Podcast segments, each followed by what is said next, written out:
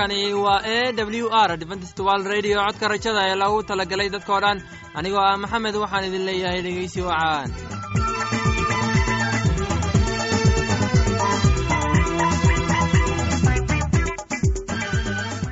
barnaamijyadeena maanta waa laba qaybood. Qaybta koowaad waxaad ku maqli doontaan barnaamijka caafimaadka. Oo inoo soo jeedinaya shiino kadib waxaa inoo raacaya cashar inaga imaanaya bugga nolosha.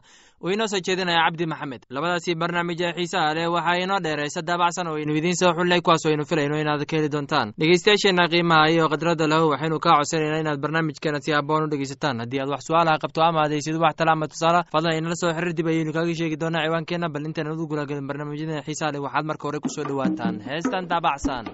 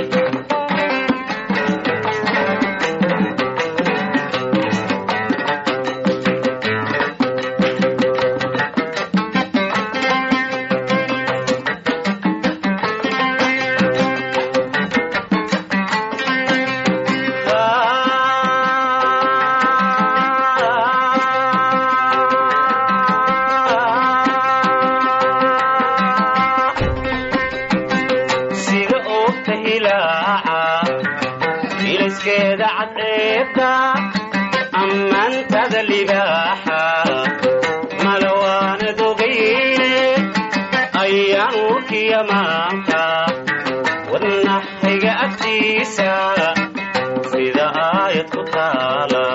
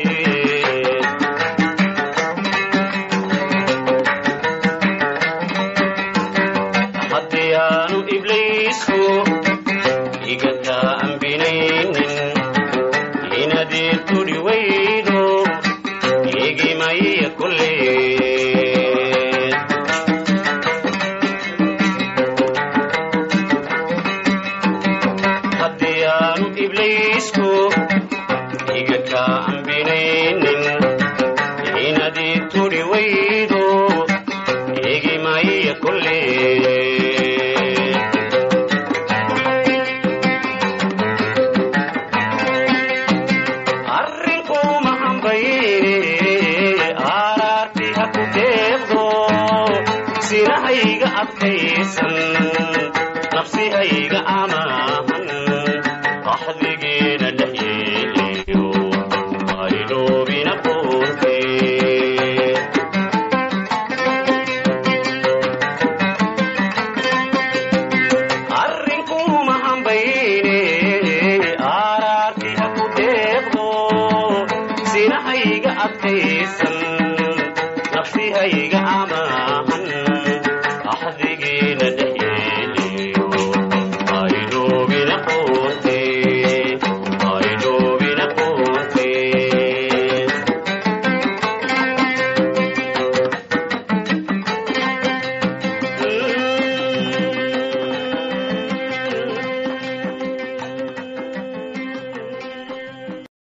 barnaamijkeenaan soo dhaafnay waxaynu ka hadalnay wax ku saabsan strog maanta waxaan ka hadli doonaa stroga sida loo daaweyn karo markuu dhaco. Tani waa tan ugu muhiimsan dor lucos wuxuu nooga sheegay doonaa qaar ka mid ah daaweynta aad iyo aad muhiim u ah ee jira kuwa cusub ee la keeni karo daaweynta stroga shantii sano ee la soo dhaafay waxaa ka dhacay isbedello la yaab leh adduunka oo dhan. Shan sano ka hor daaweynta stroga wax badan iskama bedeli sannado badan. Maxaa keenay isbeddelkan? Sidoo kale waa maxay farqiga u dhexeeya isbeddelkan uu bukaanada maanta. Marka horey dib u xasuuso. Maxaa sababa stroga strogyada waxaa sababi karaa habab kala duwan. Saddexdan ayaa ugu muhiimsan. Markii hore strog waxaa sababa marka xinjirta dhiiga oo si sax ah ugu dhaca halbowlaha uguna wacan tahay qeyb ka mid ah halbowlaha jirka. Wuxuu joojiyaa halbowlaha maskaxda ilaa wadnaha. Qeybtani adkaatay ayaa jebisaa islamarkaana carcalayeysa halbowlayaasha oo sababa xinjirowga dhiigga maxalliga ah inuu sameeyo islamarkaana gebi ahaanba joojiyo socodka dhiigga ee qeybtaas maskaxda? Kani waa nooca ugu muhiimsan ee istrooga iyo nooca ugu caansan ee istrooga marka labaad waa istrooga ka mid ka yimaada marka xinjirta dhiigga ka soo baxo wadnaha oo aan isjooji oo si joogto ah ugu garaacin. Xinjirowga dhiigga ayaa ka soo baxa wadnaha ilaa maskaxda wuxuuna joojiyaa xididada maskaxda. Xub xanuunku wuxuu saameeyaa isla wixii la mid ah nooca ugu horreeya ee faliga kaas oo jaray socodka dhiigga laakiin sababaha iyo daaweynta ayaa aad u kala duwan. Nooca saddexaad ee strooga ayaa ah halka xididada dhiigga ama halbowlaha maskaxda ay ku daataan islamarkaana dhiigga laga soo daayo halbowlaha iyo maskaxda. Kani ma ahan nooca maskax dhiig furaa oo caadi ah.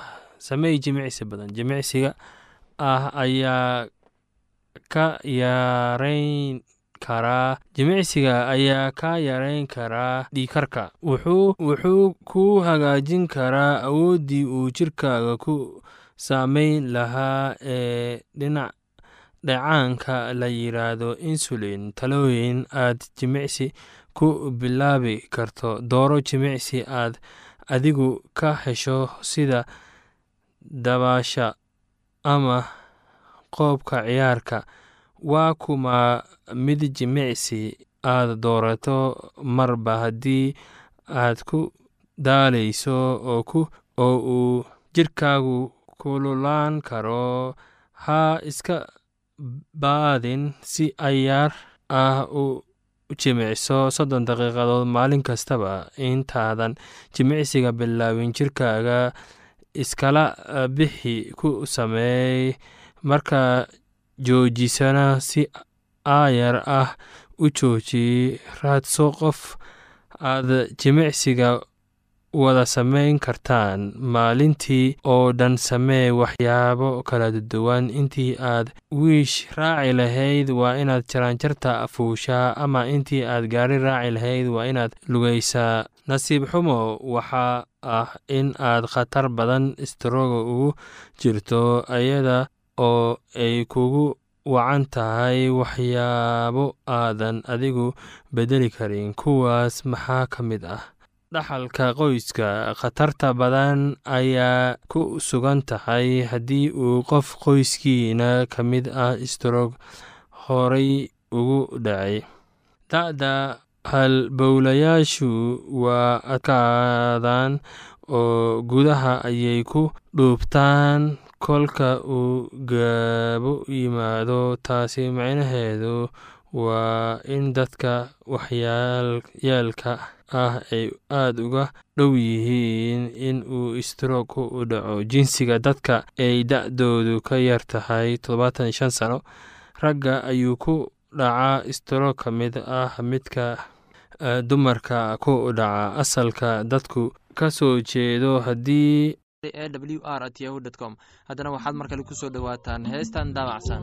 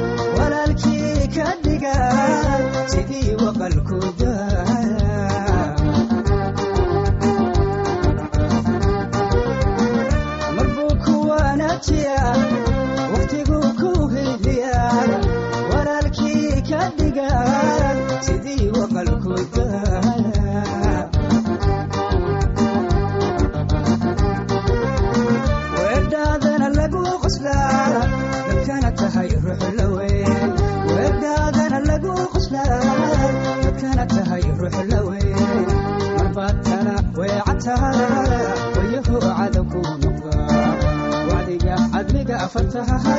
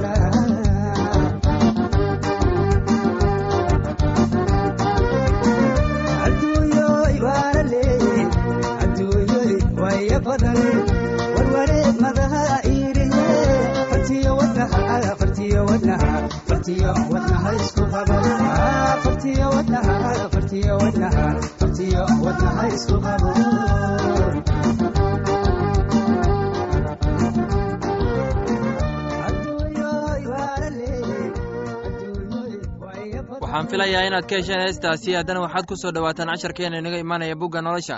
Casharkeenna wuxuu ku saabsan yahay bugga corintinos waxaana inoo soo jeedinayaa cabdi maxamed ee dhegeysi wacan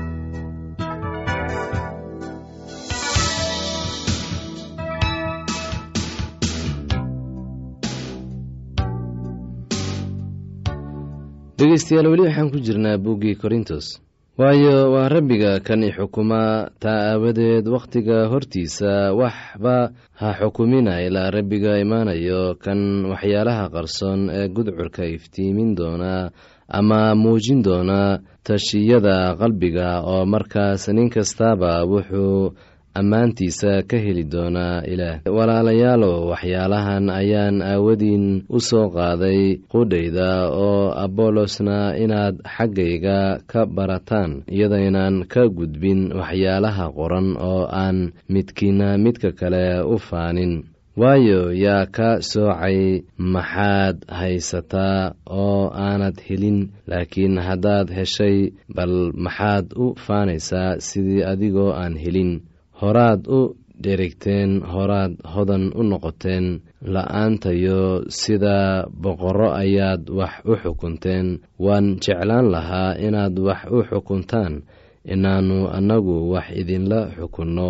Waayo waxaan u malaynayaa in ilaah na soo saaray annagoo ah rasuulladii ugu dambeeyey sida kuwa dhimashada lagu xukumayo oo kale maxaa yeelay wax la daawado ayaa nalooga dhigay dunida iyo malaa'igaha oo dadkaba. Annaga waxaannu nahay addoomihii rabbiga aawadiis idinkuse caqli baad ku leedihiin xagga rabbiga.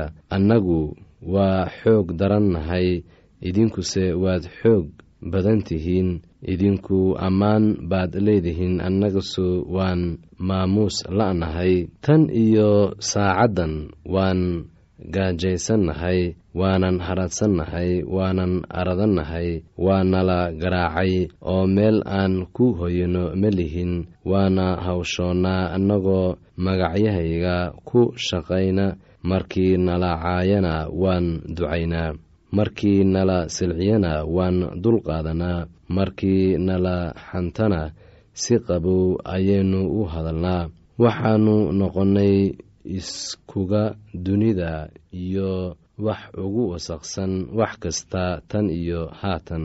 Anigu waxyaalahaas oo qori maayo inaan idiin ceebeeyo laakiin inaan idin waaniyo sida carruurtayda aan jeclahay oo kale inkastoo aad leedihiin toban kun oo idinku rabeeyey aabbayaal badan ma lihidin waayo rabbiga ayaan idinku dhaariyey xagga injiilka. Haddaba waxaan idinka baryayaa inaad igu dayataan. Taas aawadeed waxaan idin jeclahay oo aaminka ah wuu idin xusuusin doonaa socodkayga ee ah xagga nebiga sidaan meel kasta wax nalagu baro synagoog kasta qaar baa kibray sidii anigoo aan idiin imaanaynin laakiin dhowaan baan idiin iman doonaa haddii rabbigu yidhaahdo oo markaasaan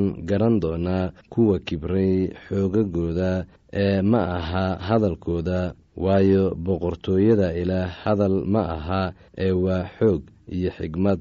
Haddaba maxaad doonaysaan ma inaan ul idinla imaado mise jacayl iyo ruux qabow?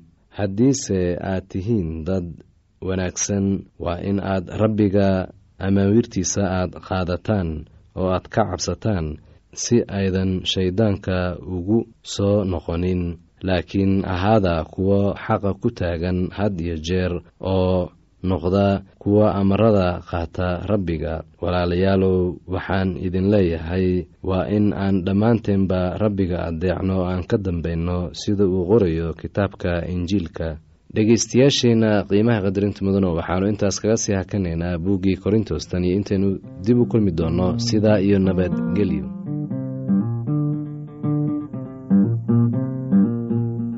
gabankii eebba waa kay guusharaacdo gabankii eebba waa kay guulayne jabkii aan galay buguta iska daaro gacmaalo hoosana waa guulayne gabankii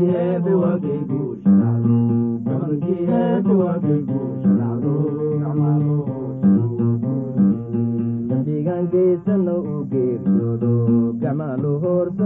guulayne gabankii eebba waa kay guusharaacdo gabankii eebba waa kay guusharaacdo gacmaalo hoosana waa guulayne gacmaayo gundahaba waa laga maro gacmaalo hoorsana waa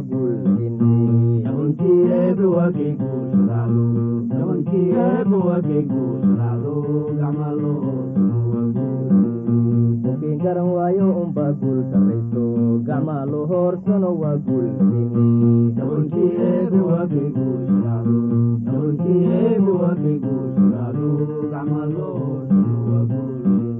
waynaan ka coshanno un garannoon amana gacmaalo hoorsana waa guulayne gabankii eebba waa kay guusharaacdo gabankii eebba waa kay guusharaacdo gacmaalo hoosana waa guulayne wartuu soo laabto oo gaygaan yimaado gacmaalo hoorsana waa guulayne gabankii eebba waa kay guusharaacdo gabankii eebba waa kay guusharaacdo gacmaalo hoosana waa guulayne kuwa garan doona unbaa guusharaacdo gacmaalo hoorsana waa guulayne gabankii eebba waa kay guusharaacdo gabankii eebba waa kay guusharaacdo gacmaalo hoosana waa guulayne dastuurkii aakhiru noo noqon kuso gacmaalo hoorsana waa guulayne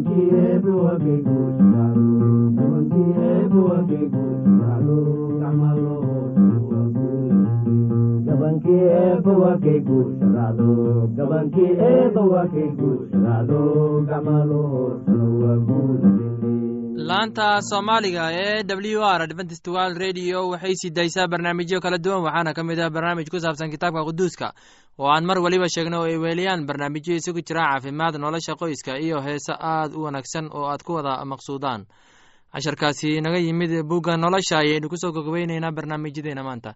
Halkaad inagala socoteen waa laanta afka soomaaliga ee codka rajada ee lagu talagalay dadkao dhan.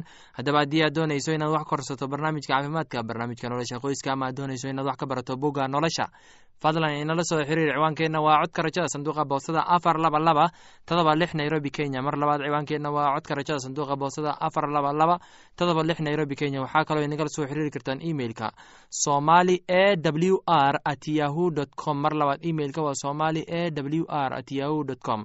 Dhegeystayaasheenna qiimaha iyo khadradda lahow meel kasta aad joogtaan intaa mar kale hawada dib ugu kulmayno anigoo ah maxamed waxaan idin leeyahay sidaas iyo nabadgelyo